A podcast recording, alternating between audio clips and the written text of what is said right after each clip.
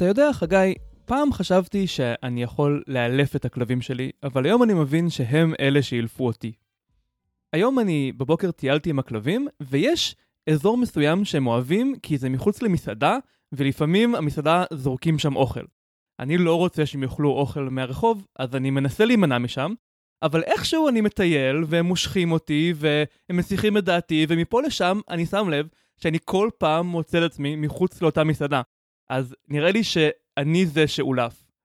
כן, אני ממש מרגיש את אותו הדבר, שיש דברים שבהם פשוט אני אימצתי לחלוטין את ההתנהגות של אנג'לה, והיא זאת שמחליטה עכשיו בדברים מסוימים.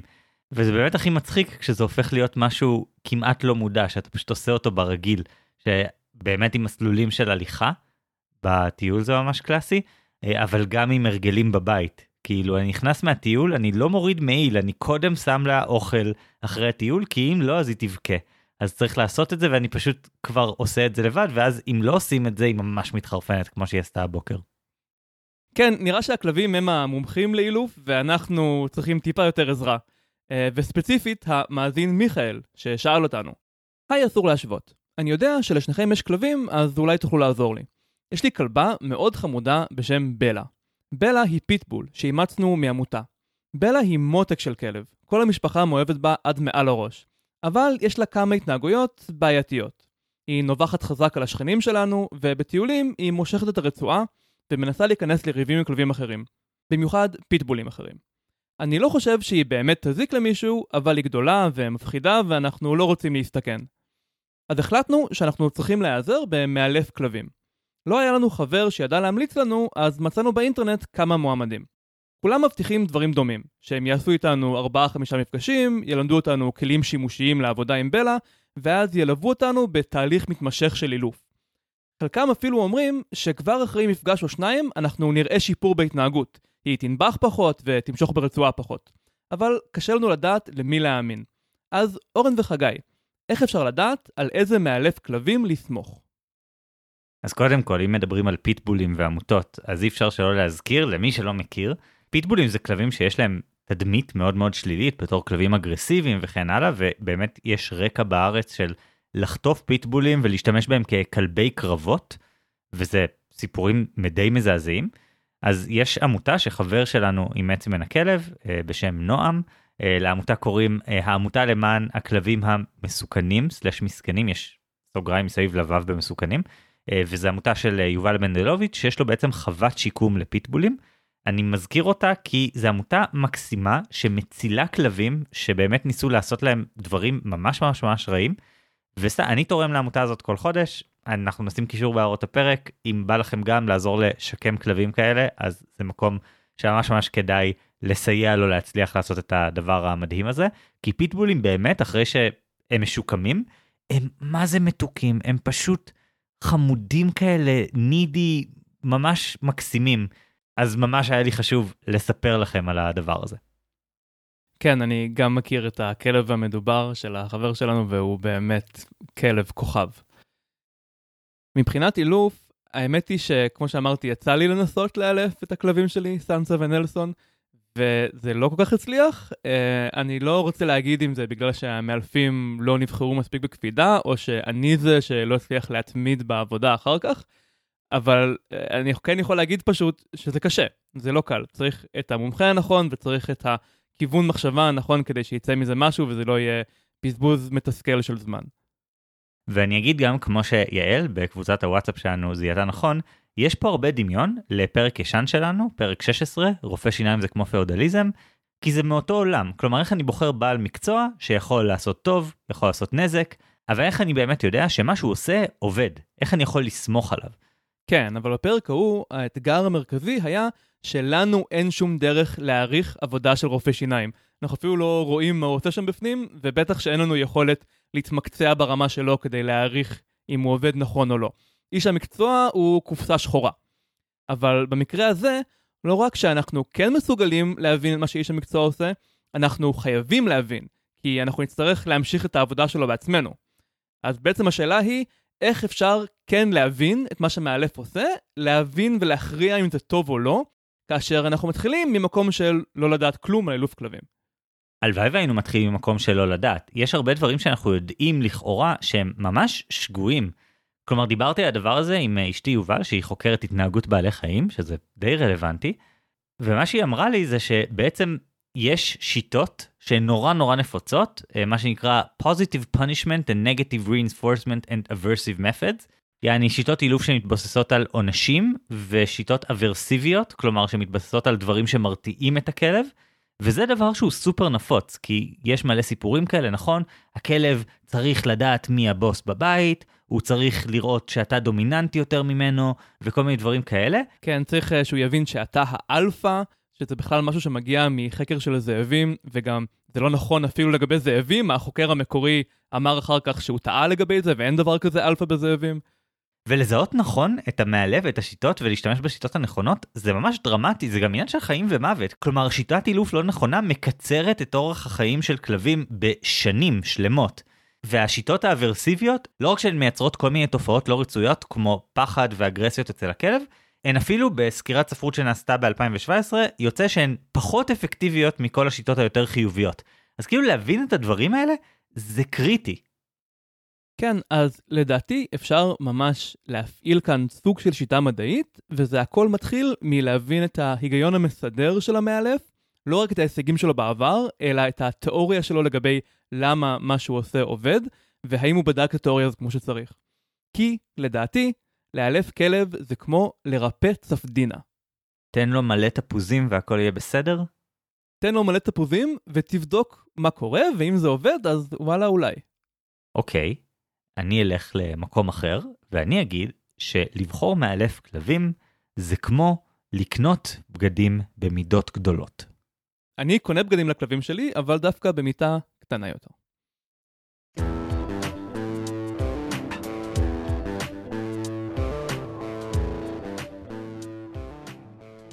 חגי, אתה שמעת פעם על המחלה צפדינה? אני יודע עליה שני דברים. אחת, זו המחלה הזאת של הפיראטים, שקוראים לה באנגלית סקרבי, נראה לי שזה השם הרשמי. ושתיים, שזה לא צפדת. צפדת זה טטנוס, מחלה אחרת לגמרי. כן, נכון. צפדינה היא לא צפדת, והיא כן המחלה של הפיראטים. ומה שמעניין במיוחד בצפדינה זה הניגוד המטורף בין החומרה הנוראית של המחלה לפשטות של הריפוי.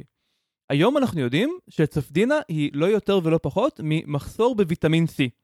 אדם שהוא ממש על סף מוות מהמחלה הזו, יכול לחזור לבריאות מושלמת תוך כמה ימים, פשוט על ידי להחזיר את הוויטמין הזה לתזונה שלו. אבל אם לא מקבלים ויטמין C, זה מוות ודאי.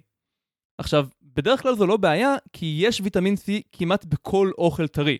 גם פירות, אבל גם ירקות, גם בשר, גם חלב, וגם צריך ממש מעט מזה כדי להיות בסדר גמור. אז אם יש לכם אוכל טרי כלשהו בדיאטה, אתם כמעט בטוח בסדר. אבל כשהם מבשלים או משמרים אוכל, הוויטמין מושמד. אז מי שמנסה לחיות רק ממזון משומר, הוא בסכנה. ולכן זו נחשבת מחלה של מלאכים, ואנשים שיוצאים למסעות ארוכים. וספציפית, במאה ה-15, כשהאירופאים התחילו לעשות uh, מסעות של חודשים רבים בספינות מפרש, מה שנקרא עידן התגליות, אז uh, צפדינה נהייתה בעיה קבועה של המסעות האלה. מעריכים שבתקופה הזו, 1500 אה, עד 1800, שני מיליון מלאכים מתו מצפדינה.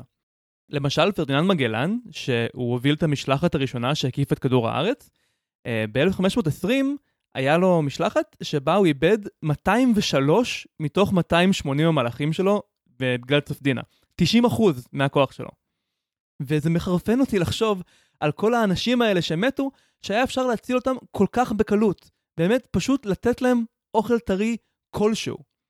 ומה שעוד יותר מתסכל, הוא שרופאים ומדענים הצליחו כמעט לעלות על הפתרון, לא פעם אחת, אלא שוב ושוב. וכאן בעצם אני מתחבר לבעיה של מיכאל. בעיניי, הסיפור של צפדינה הוא סיפור על כמה שקשה למצוא פתרון אמיתי לבעיה, אפילו כשהפתרון נמצא לך מול הפרצוף.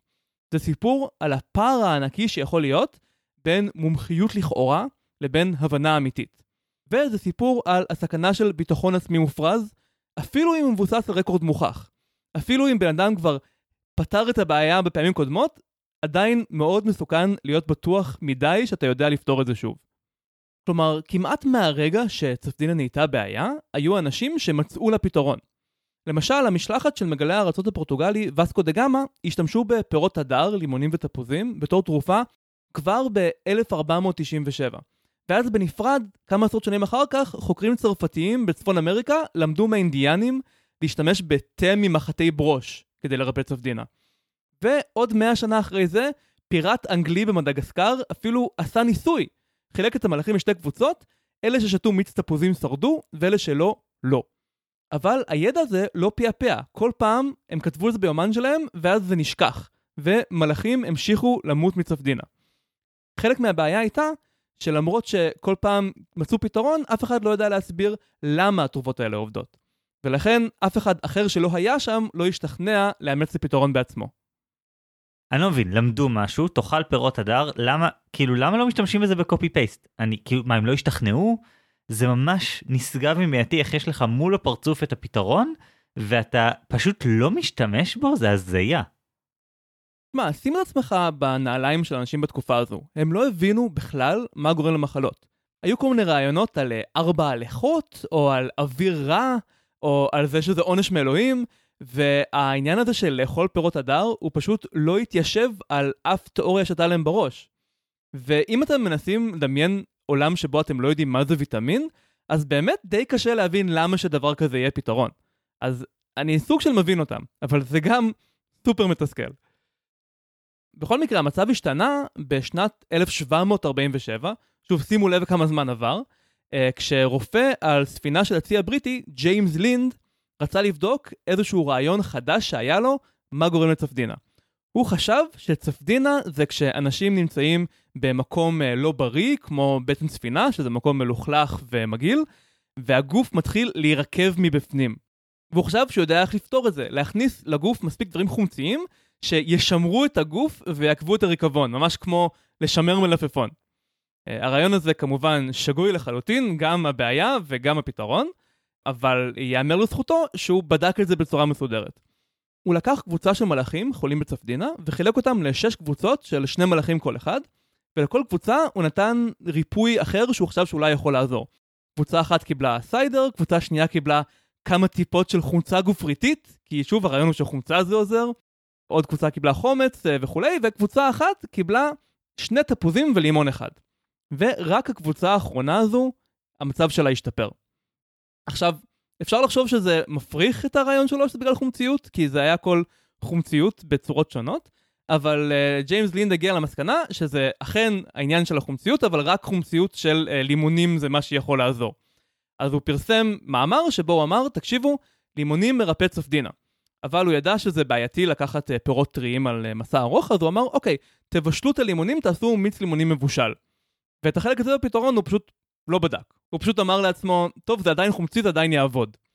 ולמזלו, אחרי שמבשלים uh, לימונים במיץ, אז חלק מהוויטמין C נשאר, וזה בדיוק מספיק כדי שהפתרון הזה באמת יעבוד. Uh, אז אחרי הרבה דיונים ודיסקוסים, ב-1800, הצי הבריטי התחיל לספק מיץ לימונים מבושל לכל הספינות שלו. ובאמת, המלאכים הבריטים הפסיקו למות מצפדינה. זה נס רפואי של ממש. מיליוני אנשים מתו מזה, ועכשיו יש לנו פתרון. הייתי רוצה להאמין שזה הצלחה וזה סוף הסיפור. אבל זה לא מה שקרה. איך, איך הם הצליחו לדפוק אפילו את זה? אני לא מבין. כאילו, סיפרת סיפור, אני, אני כאילו הייתי בטוח שזה ישתבש כשהוא בישל את הלימונים, ועכשיו אתה אומר לי, לא, זה לא ישתבש, הכל בסדר, זה פשוט הולך להיהרס לחלוטין בהמשך אחרי שהם מצאו את הפתרון. כן, בדיוק. נדלג קדימה כמה עשורים, שנת 1867, מישהו אמר לעצמו, למה אנחנו קונים לימונים ביוקר מאירופה, כשאפשר לקנות ליימים בזול מהודו, שהיא קולוניה שלנו. אז החליפו את מיץ הלימונים המבושל במין תרכיז ליים כזה. מה הבעיה? ליים אולי נראה דומה ללימון, והוא חומצי יותר מלימון, אז כאילו לפי התיאוריה זה עובד, אבל יש בו הרבה פחות ויטמין C, וכשהם החליפו מבישול לתהליך ריכוז אחר, הם בעצם השמידו את כל יתר ויטמין ה-C שהיה שם. אז המלאכים הבריטים התחילו לקבל תרכיז ליים במקום מיץ לימון, ואפקטיבית איבדו לחלוטין את ההגנה מצפדינה. עכשיו, איך יכול להיות שלא שמו לב שכבר אין הגנה ממחלה כזו נוראית? בעשורים בין לבין, בין 1800 ל-1867, היו שתי המצאות חשובות שערפלו את המצב. ספינות קיטור ותיאוריית החיידקים. ספינות קיטור, אה, הספינת הקיטור הטרנס-אטלנטית הראשונה התחילה ב-1838, אז 30 שנה קודם, והפלגות בים נהיו מהירות יותר ולכן קצרות יותר, וכמעט כבר לא קרה שמלאכים היו צריכים לשרוד חודשים ארוכים בלי אוכל טרי. אז המלאכים הבריטים, שגם ככה לא סבלו מצפדינה בגלל המיץ לימונים, עכשיו בכל מקרה לא היו בסכנה בדרך כלל. והדבר השני, תיאוריית החיידקים, אה, ממש באותה תקופה, אה, שנות ה-1850 או 1860, התחילו להבין שחיידקים גורמים למחלות. היה באנגליה את אה, ג'ון סנואו, הרופא המפורסם, שהוכיח שהתפרצות מסוימת של קולרה בלונדון הייתה בגלל באר מזוהמת מסוימת, ולא כמו שחשבו עד אז, בגלל ריחות רעים באוויר. וכמה שנים אחרי זה, לואי פסטר בצרפת עשה את העבודה המהפכנית שלו, שבה הוא הראה שאפשר להגן על אנשים ממחלות על ידי להרוג חיידקים אם מחממים את האוכל, מה שנקרא פסטור. וכל העולם ממש היה בבאז מטורף סביב הרעיון החדש הזה של תיאוריית החיידקים של המחלה. היא הייתה מאוד חזקה, והיא באמת הייתה מאוד נכונה ומועילה ברוב המקרים, אז הרופאים באופן טבעי התחילו לחשוב שגם צפדינה נגרמת על ידי איזשהו זיהום באוכל.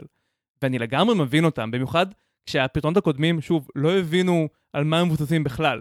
ולהאמין שזה חיידקים היה הרבה יותר סולידי כביכול. פשוט שגוי לחלוטין. והשילוב של שני הדברים האלה אה, ספינות הקיטור ותיאוריית החיידקים, הובילו לזה שהעולם איבד את התרופה לצפדינה, בלי לשים לב. ואף אחד לא ידע שזה קרה במשך עוד כמה עשורים, עד שהצפדינה צצה בחזרה, כמו אה, המפלצת בסרט המשך לסרט אימה, וזה קרה כשהתחילו לנסות להגיע לכתבים.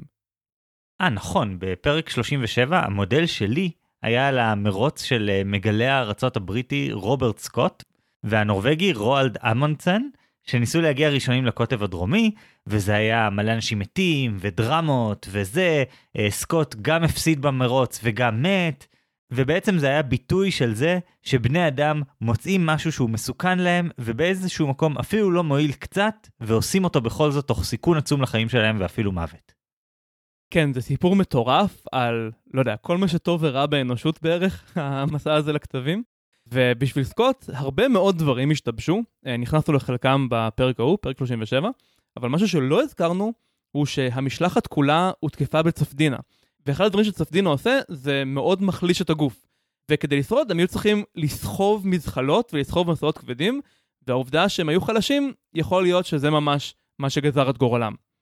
עכשיו, סקוט היה מודע לסכנה של צפדינה, והוא התייעץ עם המומחה הכי טוב שהוא יכל למצוא, קראו לו רג'ינלד קטליץ, הוא היה גם רופא, גם מגלה ארצות שהכיר את הכתבים, ובאמת ייעוץ הרפואי הכי טוב שהיה אפשר לבקש, אבל קטליץ היה רופא מודרני, אז הוא האמין שצפדינה נגרמת על ידי זיהום באוכל. אז העצה היחידה שהייתה לו הייתה לבדוק מאוד בזהירות את כל השימורים, ואם השימורים אה, נראים מזוהמים, אז לזרוק אותם לפח. תוספת קטנה של מיץ לימון הייתה יכולה להציל את המשלחת אולי, אבל קטליץ לא העלה בדעתו להשתמש בכזה פתרון מיושן ולא מדעי. אז אה, הם קיבלו צפדינה והשאר ידוע וטרגי. זה לא נשמע כמו הסוף של הסיפור, כלומר היום אנחנו יודעים, אז מתי גילו את זה סופית? מתי כאילו קיבלו את התשובה? האמת שממש כמה שנים אחרי זה, סוף סוף הצליחו להבין שיש דבר כזה ויטמין C, ושזה מה שגורם לצפדינה, וזה היה בפוקס מטורף. אה, עשו איזשהו ניסוי אחר על מחלה אחרת, והחליטו לבדוק את זה דווקא על שרקנים.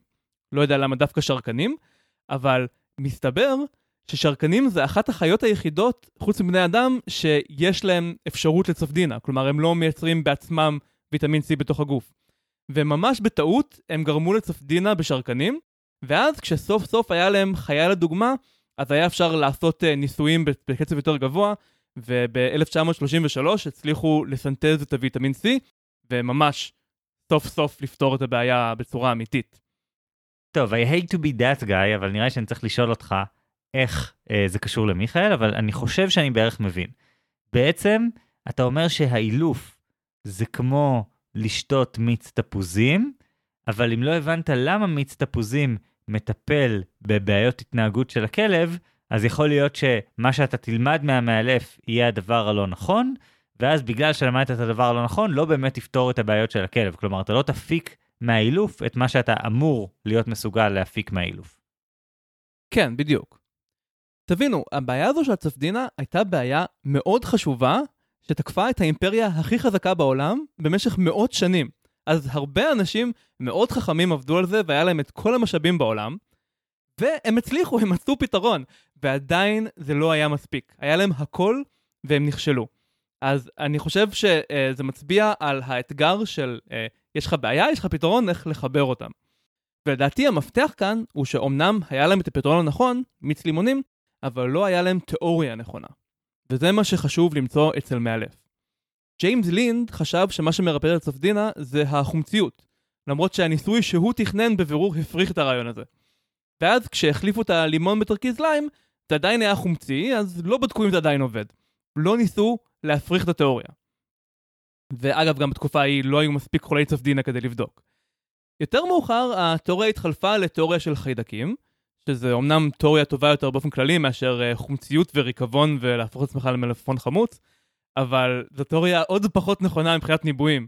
כלומר, היא מנבאת שאם אתה לא אוכל אוכל מזוהם, אז יהיה בסדר. וגם הניבויים שלה לא התגשמו. אבל הרופאים והמדענים לא נתנו לזה שהתיאוריה לא עובדת לעצור אותם. הם היו מאוהבים בתיאוריה שלהם. אז מיכאל, כל מאלפי הכלבים שמצאת באינטרנט הם מומחים. אבל איזה סוג של מומחים הם? הם מומחים כמו המשלחת של וסקו דה גאמה, שמצאו פתרון טוב אבל לא הבינו למה הוא עובד. הם מומחים כמו ג'יימס לינד או רג'ינלד קטליץ, שהייתה להם תיאוריה שגויה שלפעמים עבדה באופן מקרי. או שהם מומחים כמו הכימאים שבאמת בסוף בודדו וסינתזו את ויטמין C. אגב, קראו להם אקסל הולסט ותיאודור פרליך. אה, ולהם הייתה תיאוריה כן נכונה, שהם אפילו באופן כן מועיל ובאמת פתרו את הבעיה בצורה יסודית. מה שהסיפור של צפדינה מראה לנו, זה שהצלחה מקרית בעבר לא מבטיחה כלום לגבי העתיד. אבל יש שיטה טובה יותר, השיטה המדעית. צריך קודם לפתח תיאוריה, אז להשתמש בה כדי לנבא ניבוי קונקרטי שאפשר להפריך, ואז לעשות כמיטב יכולתנו להפריך את הניבוי. ואם לא הצלחנו להפריך, אז זו תיאוריה חזקה. ואת זה אפשר לגמרי לעשות גם בהקשר של אילוף כלבים. אבל איך בדיוק אתה עושה את זה? תיאוריה מדעית, גם הטובה ביותר, לבחון אותה על מקרה יחיד, זה לא דרך טובה לבחון אותה. כלומר, אין עכשיו למיכאל מאות כלבים לבדוק עליהם שיטות שונות, אגב, לאורך שנים. נניח דיברתי קודם על העניין של הבעיה באילוף על בסיס שיטות אברסיביות, שיטות של אה, עונשים וכן הלאה, ואתה יודע, השיטות האלה באיזשהו מקום כן עובדות, בוודאי לטווח הקצר, אבל הנזקים שהן עושות, חלקם התגלו רק בטווח הארוך, אחרי שנים, ובסוף הכלב מתנהג יותר טוב מיד אחרי. אז איך בעצם אתה בודק את זה? זה נכון, ותכלס גם לא מעניין את מיכאל אה, לפתור את בעיית הכלבים הבעייתיים באופן כללי, מבחינתו, הצפדינה שלו זה ספציפית הבעיות של בלה. אמ, אז אפשר לחשוב על הבעיות התנהגות של בלה בתור חידה שמנסים לפתור, וצריך תיאוריה שעובדת על זה. אז אני חושב, יש כאן כמה שלבים בבדיקה. קודם כל, האם יש למאלף תיאוריה בכלל? אה, תקשיב לאיך המאלף מדבר על הדברים שהוא עושה.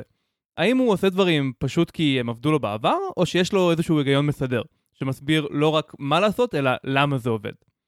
אז שלב שני, אם יש לו כזה, האם זה גם מסדר משכנע? נניח הרעיון של אה, ג'יימס לינד על אה, חומציות וריקבון וכל זה, לא יודע, אולי אני קצת מתנשא בתור אדם מודרני שיודע יותר, אבל אני חושב שזה לא מאוד משכנע. אבל יותר חשוב מזה, האם המאלף יודע להשתמש בהיגיון המסדר שלו כדי לנבא איך הכלב יגיב לדברים, והאם הניבויים האלה מתגשמים. כלומר, אולי יש לו יופי של תיאוריה שעובדת על הרבה כלבים, אבל זה ממש לא מעניין אם זה לא עובד על בלה. אם הוא יודע להגיד, כשאני אעשה ככה, בלה תגיב ככה, כשאני אתן לה חטיף כל פעם שהיא רואה כלב ולא נובחת עליו, אז כעבור שבועיים היא תנבח פחות, את זה אפשר לבדוק. ואז ההמשך של זה, הוא האם אתה בעצמך מסוגל להשתמש באותה התיאוריה כדי לעשות ניבויים משלך שגם יתגשמו. למשל, לא דיברת על זה עם המאלף, אבל לבלה גם יש בעיה שהיא קופצת על הספה כשיש אורחים ומפחידה אותם. האם אתה יכול להשתמש בכלים שמבוססים על אותו היגיון מסדר שהמאלף נתן לך, כדי לפתור גם את זה, כלומר לנבא שאם תעשה משהו מסוים, ההתנהגות הזו, שהיא לא ההתנהגות שכבר עברת עליה, ת, תגיב בצורה הנכונה. אני מרגיש אבל שזה לא תשובה לבעיה של איך אני בוחר את המאלף, זה יותר כמו איך אני יודע אחרי שכבר לקחתי את המאלף, אם משהו נתן לי זה מספיק שימושי ובאמת עובד. זה סוג של תבחן את מה שהמאלף נתן לך, ואז תדע אם מה שהמאלף נתן לך עובד בשבילך. שזה נכון באופן כללי, אבל איך זה לא מוביל את מיכאל לשרשרת ארוכה של מאלפים עד שהוא מוצא את הדבר שכן עובד? כן, אני לא מציע כאן פתרון שאפשר בראיון אחד אה, לבחור או לפסול את המאלף. אם הייתי באמת מאמין שמספיק לבדוק הצלחות קודמות, אז הייתי אומר, תבחר את המאלף שיש כלב בעייתי קודם שהוא הצליח איתו, וזה הכלב הכי בעייתי, הכלב הקודם. תבחר את המאלף שהיה כלב שרצח שלושה אנשים בפרץ של זעם, ועכשיו הוא מטפל בתינוקות בגנון, לא יודע. אה, אבל זה לא מה שאני חושב. מה שאני חושב זה שחייבים לבדוק את זה בצורה יותר יסודית, וזה לוקח זמן. אבל החדשות הטובות הן שזה אפשרי. כאילו זה לוקח זמן, זה לוקח כסף, אבל אין בעיה להיות עם מאלף במשך שבוע, שבועיים, חודש, ואז כשהוא נכשל במבחנים שלך, להמשיך למאלף הבא. כי בסוף, מה שבאמת יקבע זה ההתמדה. החמש-שש מפגשים האלה לא השאירו כזה הרבה רושם על בלה. מה שבאמת יקבע זה החמש-שש שנים שאחרי זה, שזה תתמיד עם מה שעובד, עם התיאוריה הנכונה, ותטמיע בבלה את ההרגלים הנכונים. אני מרגיש שיש לי תשובות לכל האתגורים שאני נותן לך, אבל אני אתן לך עוד אחד אחרון. חלק מהבעיה זה שבעצם לא נתת עדיין תשובה למה אם יש תיאוריה לא נכונה שעובדת ספציפית על בלה, לצורך העניין לטווח קצר, אבל יש לה כל מיני השלכות שליליות לטווח ארוך, כמו אילוף בגישות אברסיביות. מה אז? איך אתה תמצא את הדבר הזה? אתה תיקח לך שנים, אם בכלל. זה יכול להיות שזה יעבוד, אבל זה פשוט תהיה שגוי עבור הכלב שלך. זה נכון, ואני לא חושב שיש הגנה מלאה מפני זה. גם ההיסטוריה של רפואה מלאה בהמון סיפורים כאלה, על כיוונים שהרגישו מבטיחים, או כיוונים שלא עבדו בכלל, אבל איכשהו אנשים השתכנעו שהם עובדים, והתמידו בהם במשך מאות שנים. ואני לא יודע אם יש דרך להימנע מזה לגמרי, אנחנו עדיין בני אדם, יש לנו יכולת מוגבלת להבין את המציאות. מה שאני מציע זה רק הדברים שעבדו הכי טוב עד כה.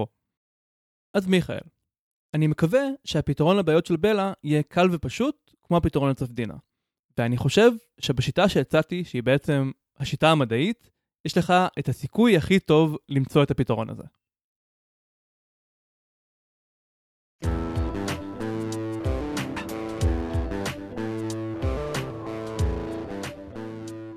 אורן, שמת לב פעם שרוב הבגדים לא מתאימים לרוב האנשים?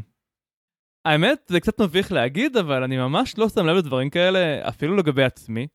מה שכן, uh, התחלתי לעקוב בטוויטר אחרי איזה אחד, uh, דרק גיא, שהוא כותב על אופנת גברים, והוא עושה כאלה שרשורים שהוא כזה, למה מלא אנשים מפורסמים לא מטפלים באיך שהכתף יושבת על הג'קט שלהם?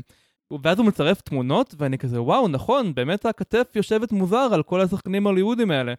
ואני רואה שיש שם משהו, אבל אז מיד אחרי זה אני חוזר להיות עיוור לחלוטין לדקויות האלה. אז uh, אני פשוט כנראה לא רגיש לדברים האלה. אז אני יותר רגיש לזה, אבל אני כן אתחיל פה באיזשהו וידוי, שהאמת היא שעבורי, רוב הבגדים כן מתאימים. יש לי כוח על נדיר, שנקרא גוף מאוד ממוצע. כמעט תמיד אני פשוט מוצא משהו שהוא בדיוק למידה שלי. לפני כמה שנים קניתי ג'קט מחויט בסטודיו בתל אביב, ובמקרה המעצב היה שם ונכנס לבקר, והצוות אמר לו, תראה מה זה, לא צריך לעשות עליו שום תיקון. זה די priceless שיש לך את הכוח הזה. אבל עבור רוב האנשים, ולעיתים יותר נדירות או בסוגים מסוימים של בגדים עבורי, ההתנסות הזאת של למצוא בגד שהוא בול עליי, היא נדירה, או קשה, או מתסכלת, או אפילו מייאשת. כי בגדים פשוט לא נוצרים בשביל רוב האנשים. איך בגד נולד? בדרך כלל, המעצב בונה איזושהי גזרה, גזרה זה בעצם, זה הצורה שאני רוצה שיהיה לבגד, זה הזווית שאני רוצה בין השרוול ליד, whatever, ואז הוא מזמין לסטודיו דוגמן או דוגמנית למדידות. אבל הדוגמנים האלה שמגיעים לסטודיו, הם לא בכל המידות. הם במידה מסוימת, זה בן אדם ספציפי. נניח מדיום, אני ממש לא מבין במידות של נשים, לגברים יש כזה small, medium, large וזה, וזה כאילו די עקבי, כזה עם איזשהו הבדל בין אירופה לארצות הברית, אבל זה די עקבי. ואז מה שקורה, מזמינים את הדוגמן הזה, ובעצם בודקים את הבגד, את הגזרה הספציפית, על הדוגמן. ואז עושים התאמות קטנות איפה שצריך. אם זה ג'ינס, אז אולי צריך uh, להצר טיפה את הירכיים, אולי צריך להגביה טיפה את המותניים, להגדיל טיפה את הפתחים של הרגליים למטה. עושים את התיקונים כדי שהבגד יתאים במדויק לדוגמנים האלה, וזהו. אוקיי, ומי שלא באותה מידה כמו הדוגמן, מה עושים איתו? אז לי יש כנראה מזל שאני דומה יחסית לדוגמן הזה, אבל לשאר האנשים עושים משהו שנקרא pattern grading. pattern זה בעצם הדפוס הבסיסי, הגזרה הבסיסית שיש לבגד, ואז מגדילים או מקטינים את הגזרה הזאת עם מחשבון. נניח שזאת מידה אחת יותר, אז עולים איזה אחוז מסוים ברוחב המותניים, ואחוז מסוים ברוחב הירך, ואחוז מסוים בגובה המותן, ובהתאם לאיזה מידות מציע הבית אופנה הזה, אפשר להעלות גם 4 ו-5 ו-6 מידות למעלה. טוב, אני באמת יכול להבין למה שזה לא יהיה מספיק טוב. היה לנו אפילו פרק קודם על זה. בפרק 32, קבוצות וואטסאפ זה כמו גודזילה. אני דיברתי על זה שחיות גדולות יותר הן לא פשוט uh, לקחת חיה קטנה יותר ולמתוח אותה בכל המימדים. זאת אומרת, כשהגודל משתנה, כל מיני דברים אחרים צריכים גם להשתנות. אולי צריך יותר רוחב במותניים כדי להחזיק את המשקל הגדול יותר שמעל, אפילו באופן פרופורציוני, או כל מיני שינויים כאלה. אז uh, סתם uh, לקחת מחשבון ולהכפיל ב-X אחוז, זה די מבטיח שזה לא יישב טוב. אני חושב שזה משהו שכל אחד מאיתנו שיצא לו לשנות משקל בעצמו למעלה או למטה, ראה את הדבר הזה על עצמו. לא כל הדברים משתנים אצלנו ביחד. כשאנחנו מעלים משקל, אנחנו לא נעשים גבוהים יותר. אנחנו לא מתרחבים באותה מידה גם בזרוע וגם בפרק כף היד. או אם אנחנו עושים כושר, יכול להיות שהמידה שלנו בכתפיים ובזרועות תעלה, אבל זה לא בהכרח ישנה את היקף הבטן שלנו, ובטח לא את האורך שלנו.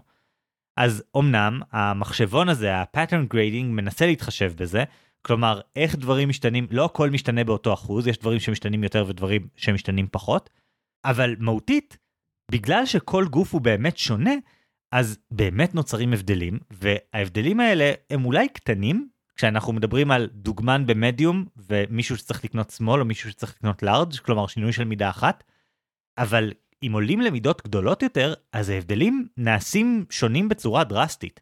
כלומר, הטעויות הקטנות שיש בין המידות נעשות הרבה יותר גדולות, ופתאום יכול להיות שאפילו כל הגזרה, כל הצורה המקורית שאותה עיצב המעצב, היא בכלל לא מתאימה למישהו שנמצא שלוש או ארבע מידות מעל למידה של הדוגמן. היא פשוט לא עובדת. אז מה כל כך קשה פשוט להביא יותר דוגמנים?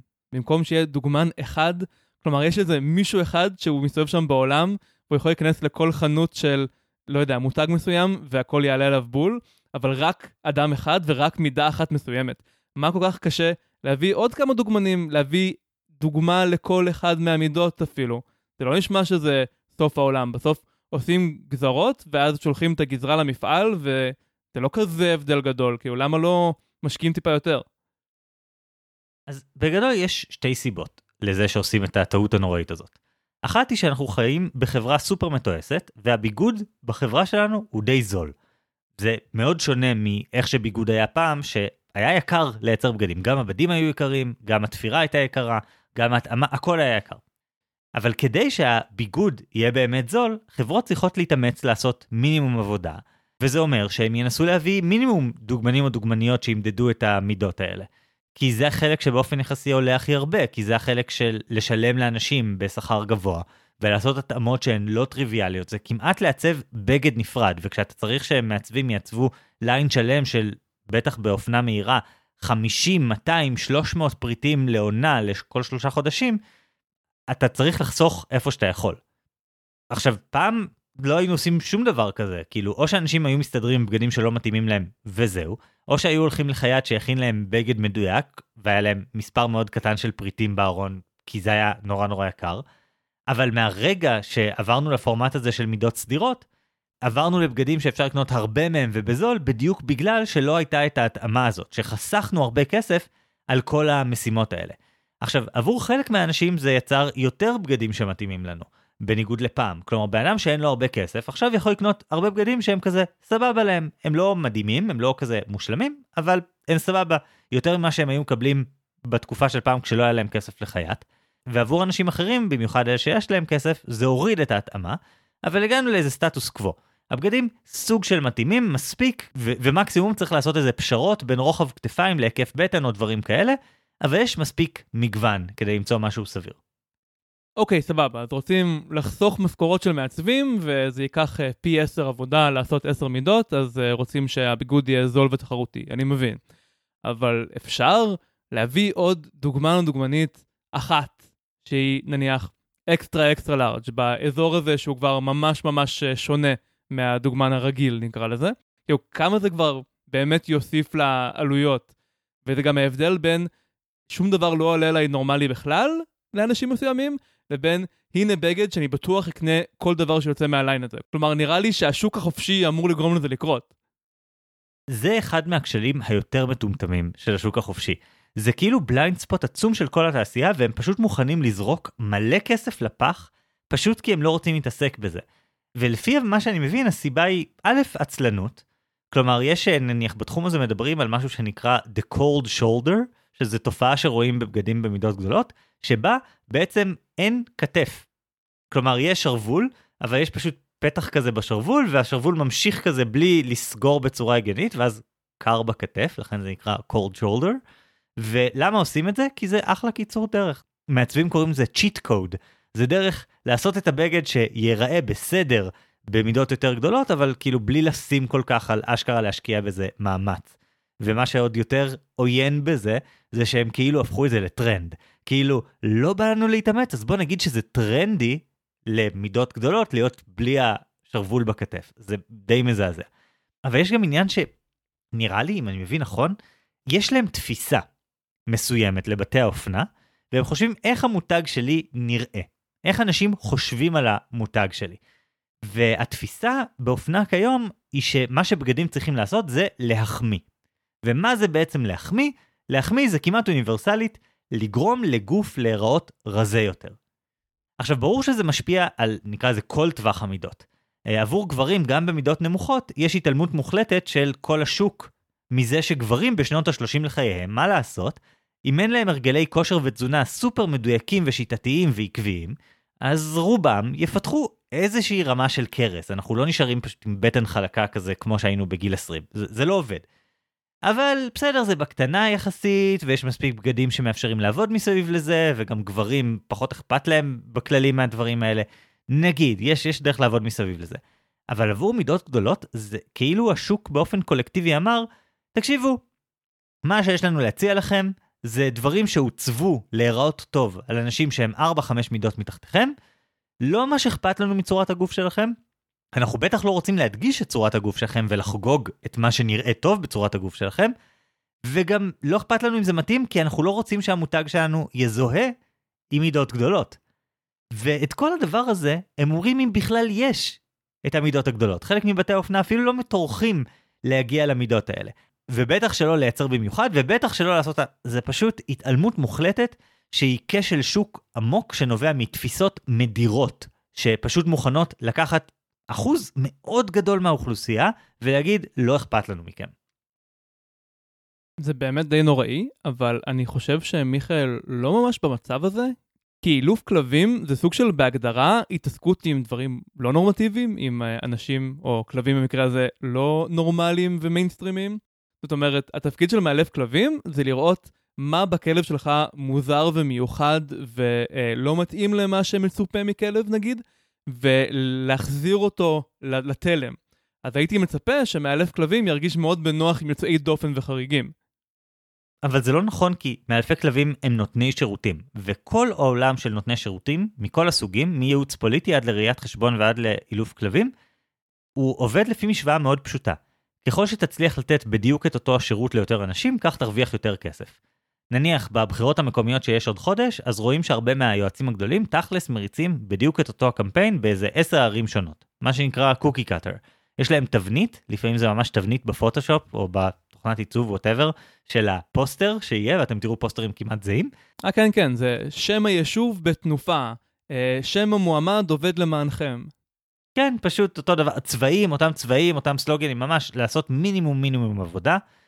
אה, אותו דבר בראיית חשבון, רואה חשבון שרוצה להרוויח כסף ינסה למצוא אוסף לקוחות שהם די דומים אחד לשני ולא דורשים יחס מיוחד או שונה דרמטית.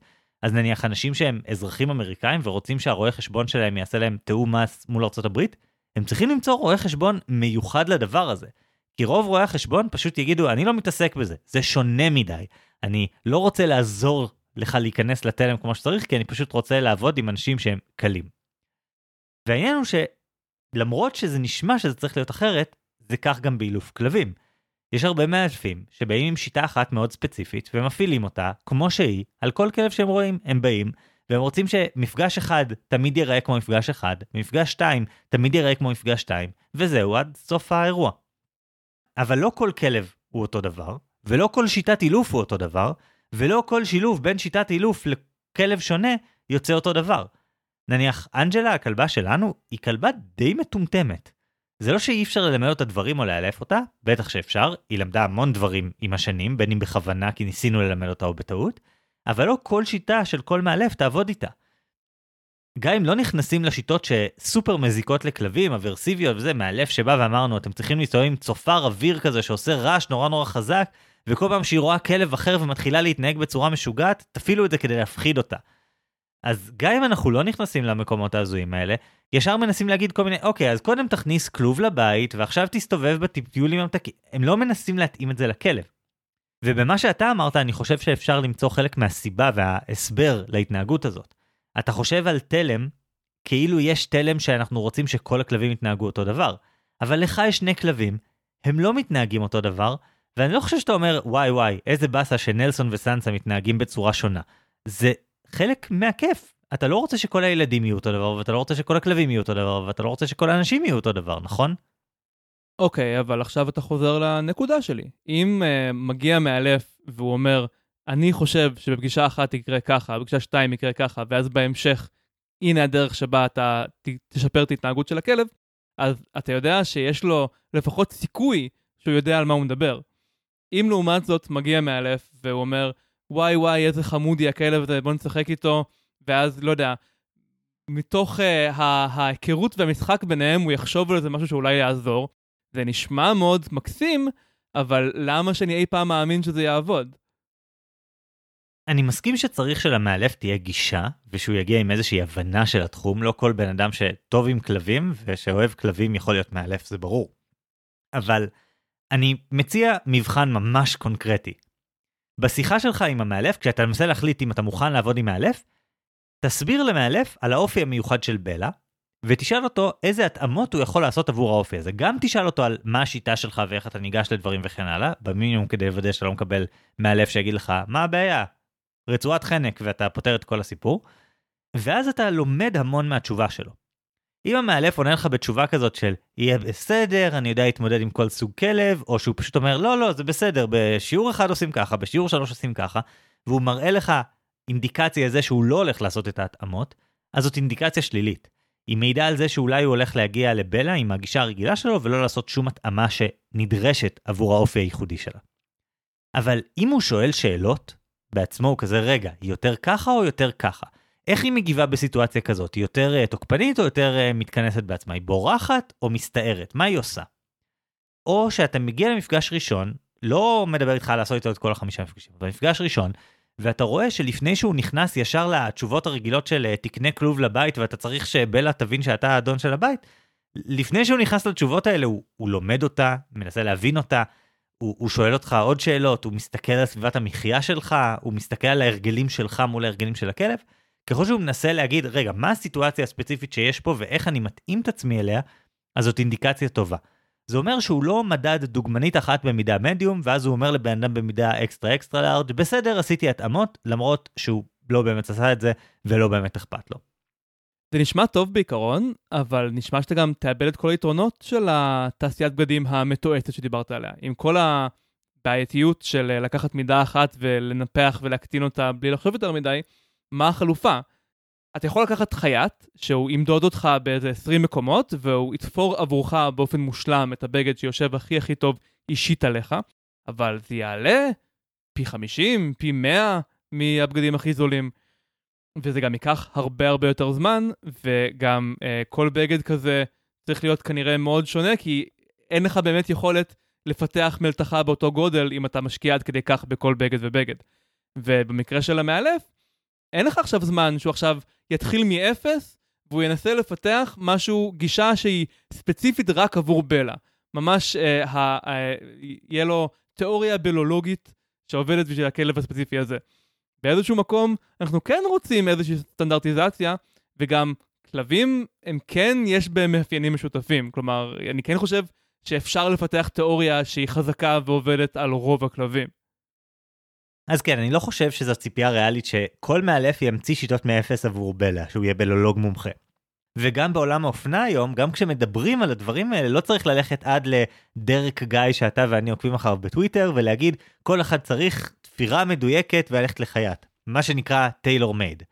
כלומר, מי שיכול להרשות לעצמו, אני ממליץ, אבל רוב האנשים לא יכולים להרשות לעצמם, וכאילו, בוא, זה לא סביר. אבל כן יש שני פתרונות בעולם האופנה שאפשר ליישם פה. אחד, זה פשוט לבחור מידה בצורה יותר חכמה. הרבה מאיתנו פשוט לוקחים את אותה המידה. בטח היום כשיש קניות באינטרנט, נכון? אתה פשוט בוחר את המידה הקבועה שלך ומקווה לטוב.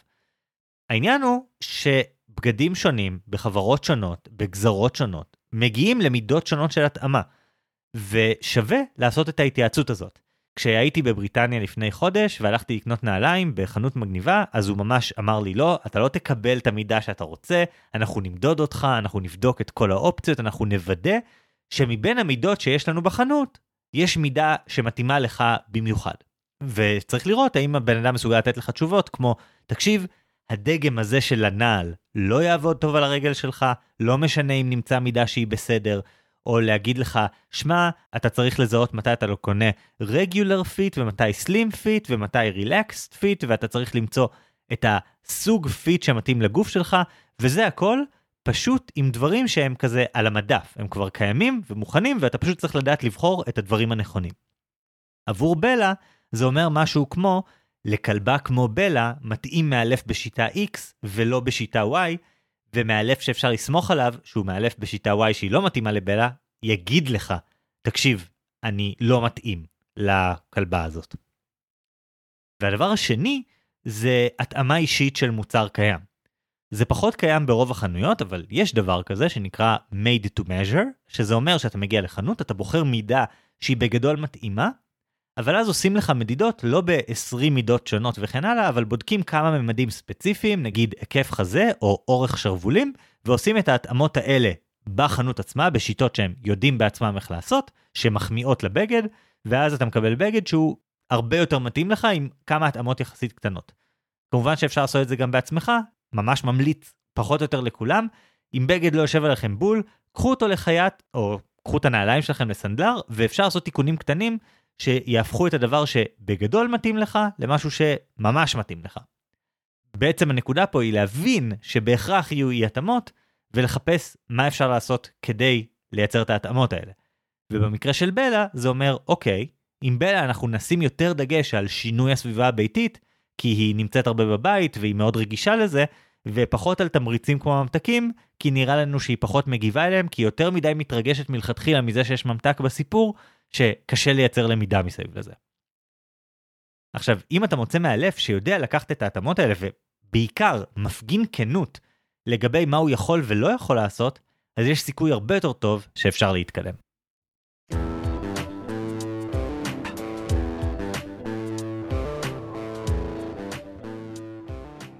חגי, על פניו זה נראה שהפעם הגענו לעצות ממש מנוגדות, כי אני אומר שהמאלף חייב לבוא מהבית, נקרא לזה, עם איזשהו רעיון סטנדרטי שהוא לא המציא על המקום בשביל הכלבה הספציפית, ואתה דווקא אומר שמה שקריטי זה לראות איך הוא כן מתאים את עצמו, דווקא לבלה באופן אישי.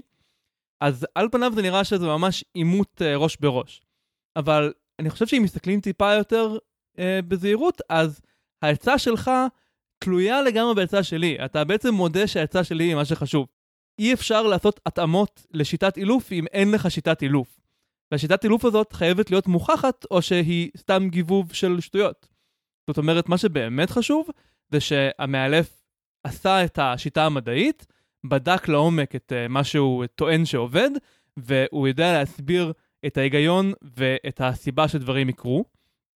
ואז, בשוליים, כן, נכון שבלה היא כלבה אחת מסוימת, והיא לא כלב uh, כדורי בריק, מה שנקרא, וכן חשוב שהוא ידע לעשות גם את ההתאמות, אבל אם אני חייב לבחור בין uh, מאלף שהוא ממש ממש לפי הספר, אם זה הספר הנכון כמובן, ולא עושה התאמות ספציפיות לכלב שלי, לעומת מאלף אחר שהוא סופר מודע לכלב שלי ויש ביניהם ממש חיבור, אבל זה לא מבוסס על שום ספר, זה מבוסס רק על תחושות בטן וניחושים, אני בקלות יודע שאני מעדיף את המאלף הראשון. אורן, אני חושב שאתה מדבר יותר על רף מינימלי, ואני מסכים עם הרף המינימלי הזה. לצורך העניין, כל פעם ששואלים אותי ואת יובל על למצוא מאלף לכלב, העצה הראשונה שאנחנו נותנים זה תמצא מאלף שלא עובד בשיטות אברסיביות, זה, זה נקודת הפתיחה, כי אז זה אומר שיש לו תיאוריה שגויה, בעייתית, מזיקה. ואחרי זה אנחנו סוג שמשחררים את הבן אדם לדרכו. כלומר, זה הדבר הראשון, הנה קבוצות פייסבוק שאפשר להשתמש בהן כדי למצוא מאלפים מתאימים, שמטפלים בשיטות יותר טובות וכן הלאה. העניין הוא שאני מרגיש שזה המבחן הקל. כלומר, אתה יודע איפה לחפש, אבל מהרגע שאתה מחפש, יכולים להיות הרבה אנשים שלמדו את התיאוריה, שיודעים לדקלם את התיאוריה, שיודעים להגיד, וואלה, אני יודע לעשות בשיעור הראשון ככה ובשיעור השני ככה, וזה לא מספיק. כי אילוף זה לא נגרות. זה לא לבנות גשר, זה לא יש לי תיאוריה וקודם אני צריך לדעת שהבן אדם למד כמו שצריך והתנסה כמו שצריך וכן הלאה. זה הרבה יותר אישי, זה יותר כמו טיפול פסיכולוגי באיזשהו מקום. שנכון, צריך תיאוריות, אבל הקסם שקורה בטיפול פסיכולוגי הוא קסם שנובע קודם כל מהאינטראקציה בין המטפל למטופל, ופחות מהתיאוריה הספציפית שאיתה מגיע המטפל. גם פה, החל מהרגע שעברנו את המחסום הראשון, שאלו מתבסס על תיאוריה שהיא מוכחת והוכחה כעובדת ולא משתמש בחרטטת מוחלטת. ולכן אני חושב שמה שיותר קריטי זה למצוא את הכימיה, את ההתאמה, כי זה הדבר שבאמת יקבע בסוף האם תיאוריה מוצלחת ככל שתהיה, תוביל להצלחה אמיתית עם בלה. אבל כמובן ההכרעה הסופית היא בידיכם. בעוד יומיים אחרי שהפרק הזה יוצא, אנחנו נוציא סקרים בפייסבוק ובקבוצת הוואטסאפ שלנו חובה להשוות, ובהם אתם תוכלו להכריע מי יותר עזר למיכאל ובעיקר מי יותר עזר לבלה. האם זה היה חגי והאופנה למידות גדולות? או אורן והתרופה לצפדינה. חוץ מזה, אנחנו כרגיל מזמינים אתכם להצטרף גם בפייסבוק וגם בוואטסאפ, יש קישורים בהערות הפרק. אה, בקבוצת הוואטסאפ שלנו יש אה, דיונים נפלאים לגבי הפרק וגם לגבי החיים באופן כללי. וכמובן, תמליצו על הפודקאסט לחברים וקרובי משפחה שעשויים להתעניין. אתם הגורם הקריטי ביותר בזה שהפודקאסט יגדל, אז אנחנו סומכים עליכם לעשות את העבודה שלכם. והכי חשוב, תשלחו לנו שאלות, הכל מתחיל משם. אז עד כאן להפעם, אני חגי אלקיים שלם.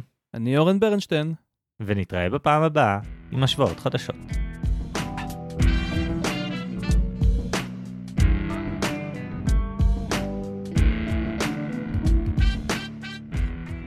אז למי שלא זוכר, הפרק הקודם היה לגבי השאלה האם לעשות ילד שני או ילד שלישי, ובסקר אתם הסכמתם איתי. 56% הסכימו איתי שההחלטה אם לעשות עוד ילד היא כמו מספרים אי רציונליים, כלומר אנחנו לעולם לא נוכל לחשב אותם ממש עד הסוף, ואני יצאתי להסתמך על תחושות בטן. ולמרות שזה הפסד לא יודע כמה שלי ברציפות, אני מרגיש שאני מצמצם את הפער, ו-44% מכם, זה כמעט חצי, הסכימו איתי, שצריך להתייחס לזה כמו להתקרב לחור שחור. ההתקרבות לחור שחור מעוותת את הזמן בינינו לבין העולם החיצוני, אבל בסופו של דבר, אם אנחנו מסוגלים לא לשקוע לתוך החור השחור ולא לצאת יותר מדי מסנכרון עם העולם החיצוני, אז אם ילד זה מה שאנחנו רוצים ממנו, אז אנחנו צריכים להבין שפשוט יש תקופה שמשלמים עליה מחיר, וזה בסדר. כן, ובתגובות בוואטסאפ אה, נכנסנו לדיונים ממש עמוקים, והרבה אנשים חלקו סיפורים אישיים אה, ממש אה, בצורה מאוד יפה, אז ממש ממש המון תודה לכל מי ששיתף. ואנחנו רוצים להתייחס לכמה מהתגובות שהן יותר גנריות נקרא לזה, שאפשר להבין אותן בלי להיות עמוק בתוך הדיון ובלי להיכנס לסיפורים אישיים יותר מדי של אנשים. נתחיל מהתגובה של ענבל. אני מאוד מזדהה עם האמירה, אל תבוא לסופר רעב. במקרה הזה אפשר להקביל ל, אם אתם מוצפים הורמונים אחרי לידה, או אם שבוע לא ישנתם כילד בגמילה, זה לא הזמן הנכון לקבל החלטה כזו. האמת, אני חושב שאפילו היה לנו פרק על לבוא לסופר רעב, אז כן, זה מתחבר לדברים. אני חושב בעיקר שיש הטיות לשני הכיוונים, ומאוד מאוד קשה למצוא את הרגע הנכון לקבל את ההחלטה, אולי ההחלטה צריכה להיות לפני שמביאים בכלל ילדים, כמה ילדים בכללי אנחנו רוצים, או משהו כזה, כי באמת יש מלא דברים שדופקים את המערכת שלנו ב- לכל אורך התהליך. כאילו, בהתחלה אתה לא ישן ואתה סובל נורא מה, מהילוד הבלתי נסבל שדורש אה, טיפול מסביב לשעון, וזה ממש ממש מתיש. ואחר כך יש את הקטע שהם סופר מתוקים, אה, ואז יש את גיל שנתיים הנורא, ואז יש את אה, גיל ארבע שהם כאילו מתאזנים יחסית, אבל מצד שני אתה מתחיל להתגעגע לאיך הם היו מתוקים ממש לא מזמן, וכאילו בכל שלב יש איזה משהו שממש דוחף אותך לכיוון בטח עוד אחד, או ללא, אף פעם לא. וקשה למצוא את הרגע הנכון, הלוואי והייתי יודע איפה הוא נמצא. טוב, לא הייתי אומר שלפני שהתחלת זה הרגע הנכון, כי נראה לי שזה השלב שבו יש לך הכי פחות ידע והבנה של למה אתה נכנס. אבל הייתי שמח לדעת מתי כן. נמשיך לתגובה של יעל, שכתבה. התשובה של אורן זה קצת, כן, אוקיי, יש אי ודאות, אז מה אני עושה עם זה? כלומר, לא ממש חידשת משהו. אמרת שיש אי ודאות, אבל בהכל יש אי ודאות, ואנחנו עדיין מקבלים החלטות בחיים. זה קצת כאילו אורן תיאר את הבעיה וחגי הציע פתרון. וההסתכלות על חורים שחורים היא מעולה. בא לי לשלוח אותה לכמה חברים נטולי ילדים, שיבינו איך הזמן נראה מבחינתנו. והיא מוסיפה, אני חושבת שיחסית לשני אנשים בלי ילדים, יש לכם דווקא הבנה לא רעה של המצב. תודה יעל. באמת תודה, אני חושב שחלק מזה זה שכל פעם שאנחנו מגיעים לנושאים כאלה אנחנו עושים כל כך הרבה יותר עבודה בלהבין את השאלה ולדבר עם אנשים על זה, באמת חודשים שדיברנו על זה עם אנשים אה, ומנסים. אני מסכים, אני גם מרגיש את אותו הדבר, שבעצם השאלה היא איך אנחנו עושים את העיגול שאורן דיבר עליו, ואני מרגיש כי אורן צודק בזה שאנחנו לעולם לא נקבל החלטה מדויקת, אבל הוא לא הסביר איך, והמודל שלי עושה עבודה יותר טובה בלהסביר את האיך. כן, אני חושב שזה גם משקף את הדברים שאני אישית נוטה להיתקע עליהם, כי לי קשה לקבל את זה שיש לי החלטה חשובה לקבל, ואין לי את הכלים להוכיח לעצמי שאני עושה את הדבר הנכון. ובשבילי זו המשוכה הכי גדולה, אז בגלל זה אני התמקדתי שם. נעבור לתגובה של שחר. אני חושב שאורן עלה פה על זה שהשאיפה לאופטימיזציה מלאה, מה שאורן ניסה לעשות במודלים בעבר, רק תוביל לקיפאון. יש כאן דברים שאנחנו לא באמת יכולים להבין במלואם, ולכן עלינו לעגל כדי לדבר על הבעיה עם נתונים שביכולתנו לתפוס. זה קונספט מרתק בעיניי. עם זאת, אפשר לחשוב שבמקרה הזה, אולי דווקא העיגול הוא סוג של אופטימיזציה. כי אנחנו אמנם משלימים עם חוסר הידיעה שלנו, אבל כן עושים הכל כדי למצוא דרכים לענות על השאלה. זה לא שאורן המליץ פשוט לזרום על זה כי מה זה משנה וגם ככה אנחנו לא יודעים. זה נכון, ואני גם אוסיף שעיגול זה אופטימיזציה לתהליך של קבלת ההחלטה. זאת אומרת, גם עצם זה שאנחנו מנסים להחליט, זה עולה לנו משאבים, וזה בעייתי, וזה לוקח זמן, ואם אנחנו נשקיע ונגיע לפתרון שהוא 10% יותר טוב, אבל זה לקח לנו עכשיו חצי שנה או שנה להחליט, ובינתיים כל החיים שלנו השתנו, והאח הגדול לעתיד הוא כבר גדול בשנה והכל, אז זה לא שווה את זה. כי אפילו אם אני אחליט שאני רוצה עוד ילד, אני אחליט שרציתי אותו כשהתחלתי לחשוב לפני שנה, וזה כבר לא רלוונטי. אז גם מבחינה הזאת, אי אפשר תמיד להשקיע את המשאבים האלה. נמשיך לעידן שכתב: הדילמות של השואלים הן לא אישיות אלא זוגיות. הם לא מתלבטים בעצמם, שניהם כותבים בפירוש שהם לא רוצים עוד ילד. ההתלבטות מגיעה מזה שבן או בת הזוג כן רוצה או רוצה. ועם כל הכבוד לבורקסים ופנקייקים, אני חושב שצריך לאמץ פה את מודל החומוס. ילד עושים באהבה או לא עושים בכלל.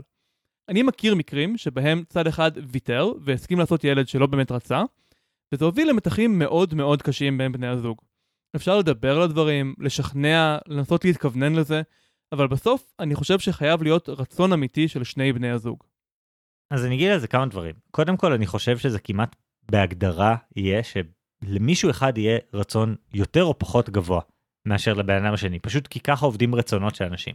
הסיכוי ששניהם יתכנסו בדיוק על אותה רמה הוא, הוא לא גדול. עכשיו יכול להיות ששני רצונות הולכים לכיוון של כן, אבל אולי יותר או פחות חששות או כל מיני כאלה.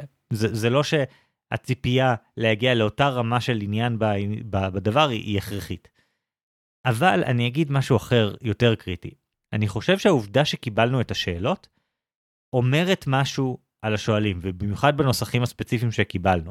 הם לא שאלו איך לתווך לבן או בת הזוג את זה שאני רוצה משהו אחר, או כל מיני כאלה. הם שאלו אותנו, האם אני באמת רוצה? כי אני בעצמי חושש. עכשיו, לא ראיתי בזה חשש שגרם לי לחשוב, הם לא רוצים, ואז צריך לעזור להם בבעיה הזוגית, באתגר הזוגי. שמעתי, בעיקרון הייתי רוצה, אבל אני חושש. אה, ולכן, נתתי את התשובות שנתתי, למרות שבאופן עקרוני אני מסכים עם מה שעידן כתב. אני נוטה לחשוב שזה קיים שם בסאבטקסט של הפרק הקודם, שאנחנו קוראים אחרת את השואלים, כי אני חושב שאתה מאוד קורא את זה לכיוון הזה של עם קצת דחיפה הם ישמחו שהם עשו את זה, ואני לא בדיוק קורא את זה ככה, ואני דווקא נוטה יותר לחשוש שמא הם מקריבים את הרצונות האמיתיים שלהם למען אנשים אחרים כמו בן או בת הזוג, ואז באמת יש סכנה אמיתית של ליפול למלכוד הזאת שעידן מתאר. אנחנו כמובן לא יכולים לדעת, ואנחנו בסוף, אפילו שהשאלות שאנחנו מקבלים בימינו הרבה יותר מפורטות מפעם, עדיין אה, אנחנו לא מכירים את האנשים האלה, ואתם השואלים, אם אתם מקשיבים לנו, יודעים הרבה יותר טוב מאיתנו אה, איפה אתם נופלים על הספקטרום הזה. ואנחנו רק אה, שני טמבלים שמנסים טיפה לעזור. נעבור לתגובה הבאה של עינת. לא עושים ילדים בשביל שידאגו לנו כשנהיה זקנים, כי לא בטוח שהם ירצו ויוכלו. זה לגמרי לקנות ביצת הפתעה. אין ממש חוקיות במה שיוצא. אתה מביא משהו חדש ומסעיר לחיים שלך, שיכול לקחת למקומות אחרים ממה שהתכוונת אליהם. ואנג'לייז, אני לא יודע מה השם האמיתי, מוסיף, בתור אב, הניסיון שלי הוא שלהיות הורה, לא ילד נוסף אלא הראשון, זה יותר דומה לחור תולעת מספרי מדע בדיוני. אתה לא יודע לאן אתה נכנס ואיך זה ייראה אחר כך. זה קצת דומה למודל החור השחור, אבל אני ממש רוצה להדגיש את זה שלא בהכרח מדובר רק על התנתקות ממה שהיה קודם, אלא גם בצד השני, יכול להיות שתגיע לתקופה פרה-היסטורית או עתידנית, או שיורד גשם של דונלדס.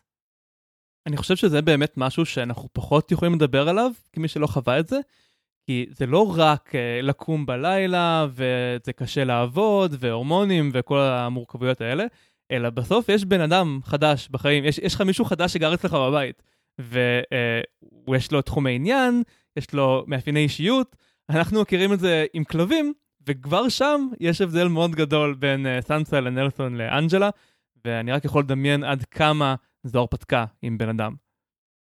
אבל אני חושב שמשהו ששני האנשים אמרו פה, שהוא נכון, זה שיש פה את העניין של ההבנה שאתה יוצא להרפתקה, שאתה מכניס לחיים שלך גורם שהוא מלא בכאוס, אבל גם יכול להיות, וברוב המקרים יהיה גם מלא בסוג חדש של אושר שלא הכרת, וזה סוג של האם אתה במקום שאתה מוכן להכניס את הכאוס הזה לחיים שלך ולקבל את ההפתעה הזאת. שאני יודע מהסתכלות על חברים שלי שיש אנשים שפשוט אמרו כן, זה השלב בחיים, שאני מוכן לכאוס, שאני מוכן לא לדעת מה יהיה עם החיים שלי עוד שנה. וזה מקום שבו אתה הרבה יותר מוכן לדבר הזה מאשר לחשוב שלא יקרה כלום, או שהכל ייהרס, או כל מיני דברים כאלה, שאלה מחשבות שהן נקרא לזה פחות מועילות, ופחות מתאימות ל- ל- לעשות את השינוי הזה. אוקיי, okay, אז זהו להפעם. המון המון תודה שוב על הדיונים המרתקים, ואנחנו ממליצים לכולם להצטרף לקבוצות הוואטסאפ אה, חובה להשוות בוואטסאפ, אה, קישור בהערות הפרק. ונמשיך למה שקראנו הפעם. ואני התחלתי לחשוב על המודל שלי כשנתקלתי בפוסט בבלוג.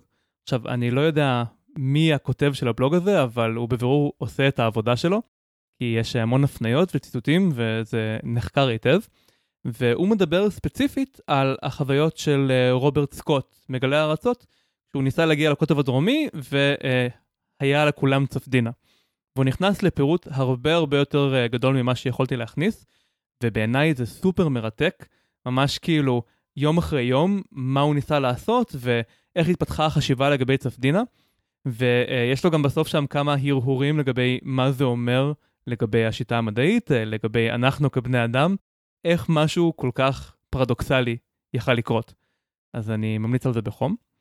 ואני אוסיף גם, אני חושב שהזכרתי את זה בפרק קודם שלנו על המרוץ לקוטב, שמי שרוצה עוד סיפורים, סיפורי הרפתקה מהמרוץ לקוטב, אני ממליץ ממש בחום על הספר Endurance, שהוא מספר על אה, משלחת אחרת שנכנסה לקשיים מאוד גדולים של שקלטון, שהיה היריב הבריטי הגדול של אה, רוברט סקוט. הם ניסו לחצות את היבשת אנטרקטיקה ממזרח למערב, ובסופו של דבר הם אפילו לא הצליחו לדרוך על אנטרקטיקה בכלל, אלא הספינה שלהם נטרפה על איזשהו אי ליד, וזה סיפור הישרדות מטורף. לא ממש קשור למה שדיברנו עליו בפרק הזה, אבל פשוט אני לא יכול שלא להמליץ על הספר הזה. אני חושב שכל פעם שאנחנו חוזרים לתקופת הגילוי עולם הזאת, אלה פשוט דברים שמייצרים סיפורים משוגעים, כי אתה פשוט מגלה על איזה אתגרים הזויים הם היו צריכים להתמודד, והרבה פעמים אתה שואל את עצמך, למה? לשם מה? מה למדתם בדבר הזה, חוץ מזה שהחוש הישרדות שלכם בבירור פחות טוב משל כמעט כל אדם אחר? ועוד משהו אחרון שאני רוצה להזכיר, ממש ממש רציתי להכניס את זה לפרק, אבל זה פשוט לא קשור. Uh, גיליתי במהלך המחקר שלי שההוכחה הסופית, כלומר ניסוי ממש בבני אדם, שהוכיח שיש קשר בין צפטינה לוויטמין C, התבצע על קבוצה של uh, פציפיסטים במלחמת העולם השנייה בבריטניה. כלומר, הם סירבו להתגייס לצבא, ואז הממשלה אמרה, אוקיי, אתם לא רוצים להילחם, אבל כולם פה מסכנים את עצמם, אז אתם יכולים לסכן את עצמכם על ידי uh, מחקרים רפואיים מסוכנים. אז הם נתנו לעצמם לחלות בצפטינה בכוונה, ואז uh, הוכיחו בעצם שוויטמין C היה המפתח כדי להציל אותם. וזה סיפור שנשכח אני חושב, והוא ממש מרשים. ועוד קבוצה של מתנגדי מצפון בארצות הברית התנדבו שירעיבו אותם.